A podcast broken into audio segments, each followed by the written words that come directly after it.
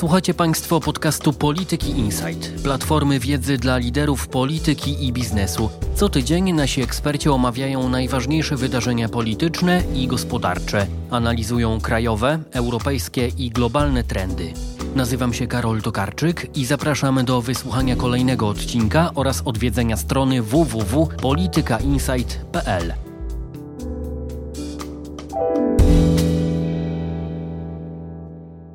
Dziś rozmawiam z Markiem Świerczyńskim o zamieszaniu i sporach, które w ostatnich miesiącach i dniach widać wokół funkcjonowania NATO.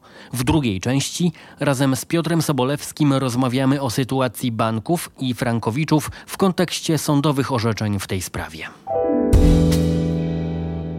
W ciągu kilku ostatnich dni wokół Sojuszu Północnoatlantyckiego miało miejsce kilka wydarzeń i kilka ważnych wypowiedzi i w zasadzie ty też jesteś po takim spotkaniu z ambasadorem Polski przy NATO. I teraz co wynika z tego całego zamieszania, które w ostatnich dniach narosło wokół Sojuszu Północnoatlantyckiego, tego zamieszania związanego z wypowiedziami prezydenta Macrona, z Turcją, z USA? Dzieje się bardzo dużo. Spróbujmy może najpierw przypomnieć, co składa się na to zamieszanie. W ciągu ostatnich kilku tygodni, kilku miesięcy miały miejsce następujące wydarzenia. Turcja weszła do północnej Syrii, zmuszając niejako do wycofania się stamtąd Amerykanów.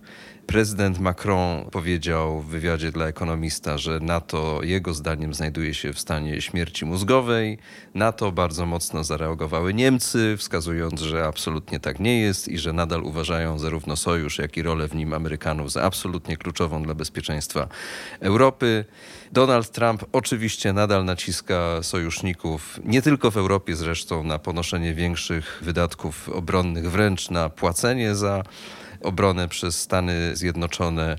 Sojusz jednocześnie pracuje nad swoją własną adaptacją, nad inicjatywą podniesienia gotowości bojowej. Dosłownie w ostatnich dniach okazało się, że są na stole dwie propozycje utworzenia takiej grupy mędrców, która miałaby przygotować raport o przyszłości sojuszu. No a prezydent Macron kontynuował swoją kampanię zdaje się mającą na celu ożywienie dyskusji na temat bezpieczeństwa europejskiego, no bo wczoraj po spotkaniu z sekretarzem generalnym Sojuszu Jensem Stoltenbergiem wydał takie dosyć długie oświadczenie, w którym zakwestionował kilka z takich no, nurtów dyskusji w NATO, między innymi stwierdził, że NATO nie jest od tego, żeby wskazywać wrogów w postaci Chin czy Rosji, natomiast jego zdaniem takim wrogiem jednym dla wszystkich jest terroryzm. I teraz, dlaczego my w ogóle o tym rozmawiamy? Bo w przyszłym tygodniu przywódcy NATO zgromadzą się na spotkaniu w Londynie, w Londynie które nie jest nazywane szczytem, ale spotkaniem przywódców. Ja tylko przypomnę, że ono się miało w zasadzie odbyć wiosną, kiedy NATO obchodziło swoje kalendarzowe 70. urodziny, ale tam wtedy klimat był na tyle niedobry, związany głównie z amerykańskimi naciskami na zwiększenie wydatków obronnych w krajach europejskich, że zdecydowano się to spotkanie przenieść na późną jesień do Londynu. No i teraz można sobie zadać pytanie, czy dzisiaj klimat jest dużo lepszy do takiego świętowania 70. urodzin. Wydaje się, że jest w sumie gorszy.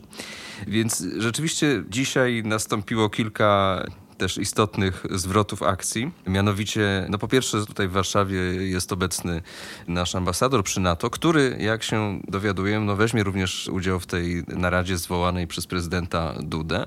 Prezydent Andrzej Duda poprzez szefa BBN-u Pawła Solocha ogłosił, że no, chciałby podyskutować z ministrem obrony i z ministrem spraw zagranicznych o tym, jaka jest sytuacja w NATO i jakie jest stanowisko polskie na ten zbliżający się szczyt. Ja tylko przypomnę, że to oczywiście Andrzej Duda będzie szefem naszej delegacji, zawsze jest szefem delegacji na szczyt NATO, co może sygnalizować, że Pałac Prezydencki i prezydent sam widzi te wszystkie kłopoty i tę narastającą atmosferę nieporozumień w sojuszu i chciałby jakoś się i skonsultować, a może przedstawić swój własny pogląd, a z drugiej strony oczywiście wiemy, że prezydent zaczął kampanię reelekcyjną i pewnie dobrze mu zrobi pokazanie, że bardzo go interesują sprawy sojusznicze, bo przecież tak w istocie jest.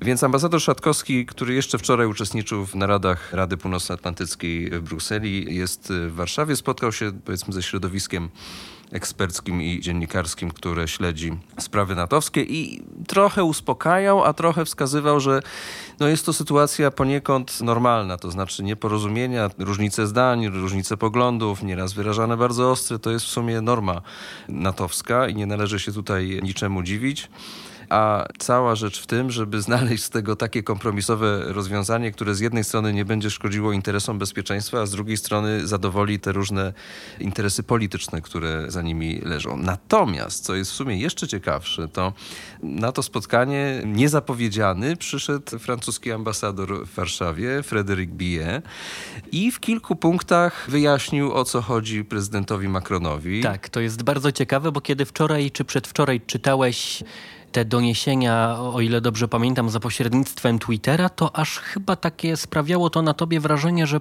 po pierwsze, czy to jest prawda, a po drugie, jeżeli to jest dobrze tłumaczone, aż tak, aż tak, tak to było no, dziwne. Ja niestety nie znam francuskiego, więc nie jestem w stanie bezpośrednio czytać komunikatów francuskiego prezydenta, ale na szczęście NATO zapewniło tłumaczenie oficjalne na język bardziej dla mnie zrozumiały i w nim rzeczywiście padają te sformułowania dotyczące Rosji, dotyczące Chin, dotyczące dogadywania się co do przyszłości zbrojeń średniego zasięgu, dotyczące terroryzmu, który przypomnijmy dla Macrona jest głównym zagrożeniem dla NATO. No, ambasador Bije zdaje się, że no, dostał z Paryża polecenie, żeby pokazać się polskiemu środowisku, które również drapie się w głowę i próbuje zrozumieć tę całą sytuację.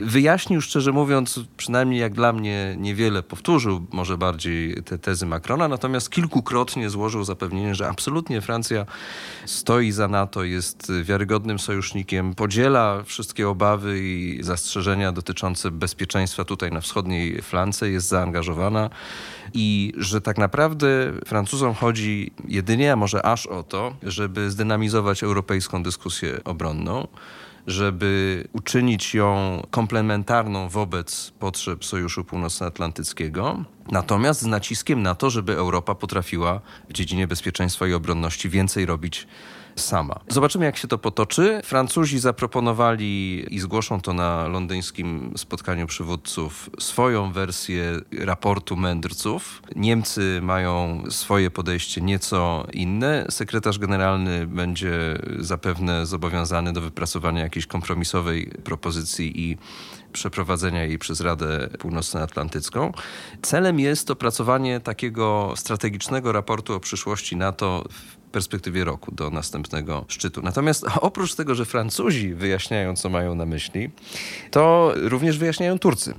Z ambasady tureckiej przyszedł taki no, dosyć zwięzły komunikat, który precyzuje to, co Turcy mają do powiedzenia w sprawie tych doniesień w tym tygodniu opublikowanych przez agencję Reutera, jakoby Turcja blokowała aktualizację planów obronnych dla wschodniej flanki Polski i krajów bałtyckich w związku z tym, że domaga się jakiegoś rodzaju politycznego wsparcia dla swojej operacji prowadzonej w północnej Syrii, która, przypomnijmy, no, spotkała się z praktycznie powszechnym potępieniem i krytyką. Turcja, no podobnie jak Francja, twierdzi, że jest absolutnie zdeterminowana do tego, żeby szanować wszystkie postanowienia Sojuszu Północnoatlantyckiego. Stwierdza jednakowoż, że nieporozumienia mogą się zdarzać pomiędzy sojusznikami no ale nie powinny negatywnie wpływać ani na sojuszników, ani na Turcję. No, czyli jest to potwierdzenie niejako, że różnica zdań występuje i że ten szczyt, który miał być w sumie dosyć nudny, tak się to przynajmniej przez długie miesiące zapowiadało. Miał być po prostu odnotowaniem po pierwsze rocznicy, po drugie potwierdzeniem, że NATO ma się dobrze, nagle zamieni się w jakąś potwornie gorącą debatę której oczywiście usłyszymy, że NATO absolutnie nie jest w stanie śmierci mózgowej. To zresztą jest powtarzane bardzo często w ostatnich dniach. Ale pytanie, czy znajdą się na tym szczycie gotowe recepty na to, jak te różnice zdań zażegnać? Szczerze mówiąc nie wiem. Będę to obserwował z dużym zaciekawieniem w przyszłym tygodniu. Nie znamy polskiego stanowiska w tej sprawie, bo spotkanie tych osób, które o tym w Polsce decydują jest jeszcze przed nami, ale wydaje się, że i te komunikaty płynące z Paryża, jak i te płynące z Ankary i ten też rozjazd pomiędzy obiema stronami Atlantyku, to chyba nie wygląda za dobrze dla Polski. To znaczy nie jest całkiem tak, że nie znamy polskiego stanowiska, bo po tym wywiadzie głośnym Macrona MSZ wydało komunikat, w którym no, nawołuje do tego, żeby powściągnąć tego typu ostre sformułowania i akcentuje potrzebę dialogu sojuszniczego. Rzeczywiście można odnieść takie wrażenie, że w tej chwili w NATO jest wzmożony ferment. I to jest ferment z jednej strony w tym sensie pozytywny, że skłania do wymiany poglądów, prawda? I do wypracowania być może nowej, nawet koncepcji strategicznej, bo Sojusz nie robił tego no, praktycznie od dekady a z drugiej strony pokazuje, że NATO ma pewien kłopot ze znalezieniem spójności w tej nowej sytuacji geostrategicznej, prawda? Kiedy z jednej strony już wszyscy w tej chwili zaakceptowali, że najpoważniejszym wyzwaniem długoletnim jest wzrost potęgi chińskiej. NATO jest naciskane w pewien sposób przez Amerykanów, o ile można użyć takiego sformułowania, żeby zajęło stanowisko, prawda? Żeby dało się albo żeby się włączyło w to, co w Ameryce jest tematem numer jeden. Chiny, Chiny, Chiny. To słychać wszędzie w amerykańskich kręgach zajmujących się bezpieczeństwem i obronnością. W jaki sposób do końca tego nie wiadomo. I sądzę, że w Londynie ta dyskusja tak naprawdę dopiero się zacznie na poważnie i być może będzie to jeden z elementów tego raportu mędrców. Z drugiej strony NATO dosyć dobrze się odnajduje w tej takiej adaptacji do tego zagrożenia, powiedzmy, krótkoterminowego i w sumie postrzeganego jako mniej groźne, to znaczy znaczy ekspansji rosyjskiej, asertywności rosyjskiej i agresji rosyjskiej, prawda? Zostały wdrożone pewne środki, również wojskowe, widzimy je na każdym kroku, również u nas w Polsce.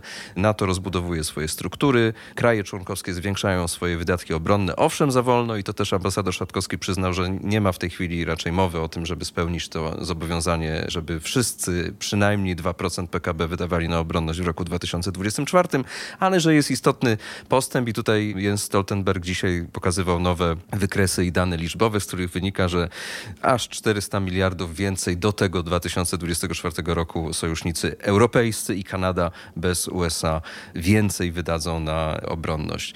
A z trzeciej strony oczywiście można powiedzieć, że NATO też patrzy na to, co się dzieje na jego obrzeżach, tych południowych, prawda? To jest to, gdzie interesy NATO czy też interesy państw członkowskich bardzo mocno się różnią w postrzeganiu tych zagrożeń, bo my tutaj na wschodniej flance patrzymy głównie właśnie na wschód, na zagrożenie rosyjskie. Francuzi na przykład czy Włosi bardziej patrzą na północną Afrykę, a nawet dalej, prawda, na Sahel i Afrykę Centralną, można powiedzieć, jako miejsce, skąd może przyjść zagrożenie, głównie terrorystyczne.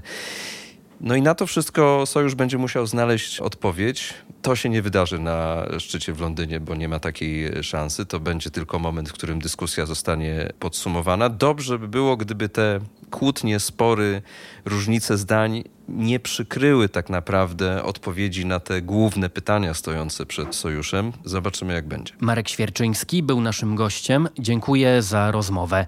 Za chwilę natomiast porozmawiam z Piotrem Sobolewskim na temat wpływu orzeczenia i uzasadnienia Sądu Najwyższego na temat kredytów walutowych. W najbliższą środę zapraszam do Dużego Pałacu, nowej audycji Polityki Insight, w której rozmawiamy o polskich wyborach prezydenckich. Prześwietlimy sztaby i kandydatów, opiszemy ich zmagania i będziemy im towarzyszyć w podróżach po Polsce. Naszą audycję znajdziecie na najważniejszych platformach podcastowych: SoundCloudzie, Spotify i iTunes. Słuchajcie, obserwujcie i komentujcie. Już od środy 4 grudnia. Piotr Sobolewski, analityk polityki Insight do spraw finansowych, jest naszym gościem. Rozmawiamy dzisiaj po raz kolejny o frankowiczach, czy może bardziej powinniśmy powiedzieć o hipotecznych kredytobiorcach walutowych, bo tam się dzieje coś ważnego. Dlaczego rozmawiamy właśnie na ten temat? Rozmawiamy teraz, bo właśnie poznaliśmy uzasadnienie wyroku Sądu Najwyższego sprzed miesiąca, z 29 października. Ono dotyczyło kredytu denominowanego we franku szwajcarskim. Sprawa dotyczy kredytu kredytu, jakiego w 2004 roku udzielił bank BPH i trzyosobowy skład Sądu Najwyższego uchylił wyrok Sądu Apelacyjnego o unieważnienie umowy kredytowej. Co jest nowe i co jest istotne, to to, że Sąd Najwyższy po raz pierwszy wskazał możliwość kontynuacji umowy o kredyt mimo wykreślenia z niej klauzul niedozwolonych. Co istotne, sprawa dotyczy po raz pierwszy kredytu denominowanego, czyli takiego, którego wartość była podawana we franku szwajcarskim.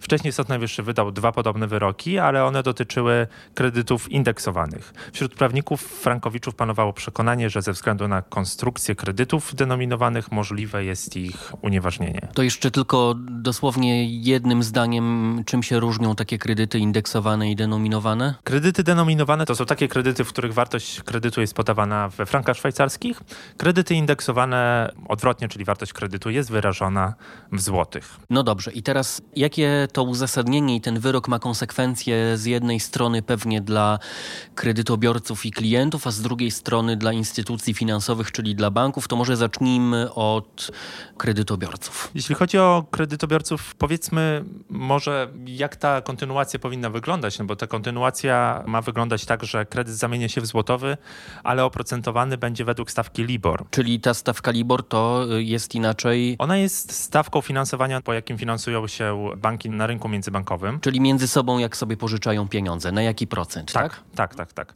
I LIBOR dotyczy walut obcych, natomiast nasz polski WIBOR dotyczy mm, kredytów czy instrumentów udzielanych w złotówce. Czyli WIBOR jest tym samym co LIBOR, tylko że w złotym. To jest koszt pieniądza, po jakim sobie banki między sobą pożyczają te pieniądze w Polsce. Zgadza się. Tak. Dobra. Mhm. I teraz co ten wyrok tak naprawdę i to uzasadnienie oznacza dla klientów? Sądy powszechne pewnie będą się chętniej powoływać na, na, wyrok Sądu Najwyższego. W efekcie w przypadku kredytów denominowanych będą częściej zapadały wyroki pozwalające kontynuować umowę. Dla wielu osób to korzystniejsze rozwiązanie niż unieważnienie, bo w przypadku unieważnienia kredytobiorcy musieliby rozliczyć się z bankiem, czyli często oddać bankowi jeszcze kilkanaście, kilkadziesiąt tysięcy złotych, których tutaj w danym momencie po prostu nie mają. Trudno jest zdobyć takie pieniądze w jakiejś tam chwili od razu po takim wyroku roku, kiedy ten kredyt y, trzeba rozliczyć. To konsekwencje dla klientów, a co to oznacza dla samych instytucji finansowych?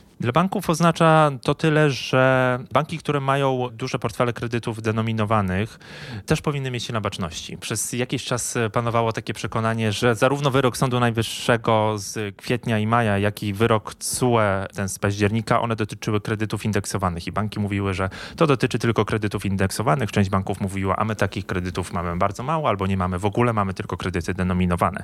Teraz y, okazuje się, że także banki, które mają kredyty denominowane, na przykład PKO BP, też rośnie w ich przypadku ryzyko przegranych w sądach. Wspomniałeś nazwę banku PKO BP. Jakie instytucje są najbardziej wyeksponowane czy narażone na takie ryzyko? Najwięcej kredytów walutowych we franku szwajcarskim ma PKO BP, Bank Millennium, mBank, Santander. Pewnie nie wymieniłem po kolei. Duże portfele mają też te banki, które gdzieś tam sprzedały większość swoich operacji, natomiast e, obsługują kredytobiorców. Chodzi o Deutsche Bank Raiffeisen oraz Bank BPH. W zasadzie to są te banki, których sprawa dotyczy w największym stopniu. Są jeszcze banki, gdzie tych portfeli jest znacznie mniej, jak Bank PKO czy BNP Paribas. Czy ta decyzja może zachwiać stabilnością sektora finansowego, sektora bankowego w Polsce, czy te instytucje są raczej dobrze przygotowane i zabezpieczone przed taką ewentualnością? Po pierwsze, do wykształcenia jednolitej linii orzeczniczej trochę jeszcze poczekamy, trochę jeszcze czasu upłynie. Natomiast banki są dobrze przygotowane, bo przez lata tworzyły bufory kapitałowe, jakie nakładał na nie KNF, który dość konserwatywnie podchodzi do ryzyka, no i namawiał banki do tego, żeby utrzymywały kapitały zamiast w dużym stopniu dzielić się nim z akcjonariuszami. Pamiętajmy też, że rentowność banków w Polsce wbrew temu, co się mówi, przynajmniej w tych dużych banków giełdowych, jest dość duże. Nawet pomimo zawiązywania rezerw jakichś pierwszych w drugim, trzecim kwartale tego roku, rezerw na spory z frankowiczami, to nie ma jakiegoś znaczącego wpływu na wyniki tych banków, więc nie wydaje się, żeby to miało być jakimś problemem systemowym. Jeszcze jeden wątek, który wydaje się tutaj ciekawy, a mianowicie to, w którym momencie sporu między instytucjami finansowymi a kredytobiorcami jesteśmy. Ten spór trwa właściwie ponad 10 lat od tego skokowego wzrostu kursu franka szwajcarskiego i innych walut w stosunku do złotego, który miał miejsce podczas globalnego kryzysu. No i czy to, co powiedział sąd, kończy albo przynajmniej zmierza do zakończenia albo do rozstrzygnięcia, może nie tyle zakończenia, co rozstrzygnięcia tego sporu, czy będziemy jeszcze obserwować te zmagania przez miesiące albo może nawet lata. Przybliża nas do jakiegoś wykształcenia jednolitej linii orzeczniczej, natomiast nie kończy zupełnie sytuacji. Ze względu na różne klauzule indeksacyjne i klauzule waloryzacyjne, które stosowały banki w swoich umowach, sądy powszechne mogą mieć wciąż wątpliwości, jak rozstrzygać niektóre sprawy. Pojawi się więc chęć skierowania kolejnych pytań do CUE. Banki mogą się zwrócić też do Sądu Najwyższego o wydanie uchwały rozstrzygającej jakieś zagadnienie prawne budzące ich wątpliwości. I tutaj pewnie na na tą jednolitą linię orzeczniczą poczekamy co najmniej rok, dwa lata. Ciągle zapadają jakieś wyroki w sprawie kredytów frankowych, natomiast od czasu wyroku CUE w październiku wyroków prawomocnych nie jest wcale aż tak dużo. Na dodatek nie zawsze sądy opowiadają się po stronie kredytobiorców. Wydaje się natomiast, i tutaj można mówić o jakiejś pewności, że ingerencji polityków już raczej nie będzie. Po pierwsze, temat jest już trochę przemielony, nie pozwala zbić dużego kapitału politycznego. Po drugie, prezydent Duda przekonuje, że spełnił swoją obietnicę wyborczą, nowelizując ustawę o wsparciu kredytobiorców w trudnej sytuacji finansowej. Ta ustawa autorstwa Platformy Obywatelskiej jeszcze z 2015 roku, ona zakłada pomoc zwrotną, czyli pożyczam, korzystam z tego kapitału, ale później muszę go oddać. Jeżeli będziemy dobrze i szybko zwracać, no to będziemy mogli oddać trochę mniej, tam jakaś część rat będzie bezzwrotna. Natomiast frankowicze pewnie woleliby po prostu uzyskać pomoc, której nie musieliby zwracać. I wydaje się, że pogodzili się z tym, że sprawiedliwości będą szukać tylko w sądach. No i wreszcie ostatnia rzecz, czyli te portfele kredytów frankowych w bankach. No wydaje się, że nadal będą osoby, które nie będą chciały pójść do sądów, które ta perspektywa batalii sądowej będzie zniechęcać spokojnie spłacą swoje zobowiązania. Wydaje się, że spłacą je przed czasem, no bo te kredyty frankowe są dość dobrze spłacane a poza tym sprzyja temu wzrost wynagrodzeń w gospodarce. I wydaje się, że banki nadal będą miały te portfele kredytów frankowych no pewnie co najmniej przez 10-15 kolejnych lat. Sam problem będzie pewnie coraz mniejszy. Tak, tak, skala problemu będzie coraz mniejsza. Bardzo dziękujemy. Piotr Sobolewski, analityk polityki Insight do spraw finansowych, był naszym gościem. Dzięki wielkie. Dziękuję.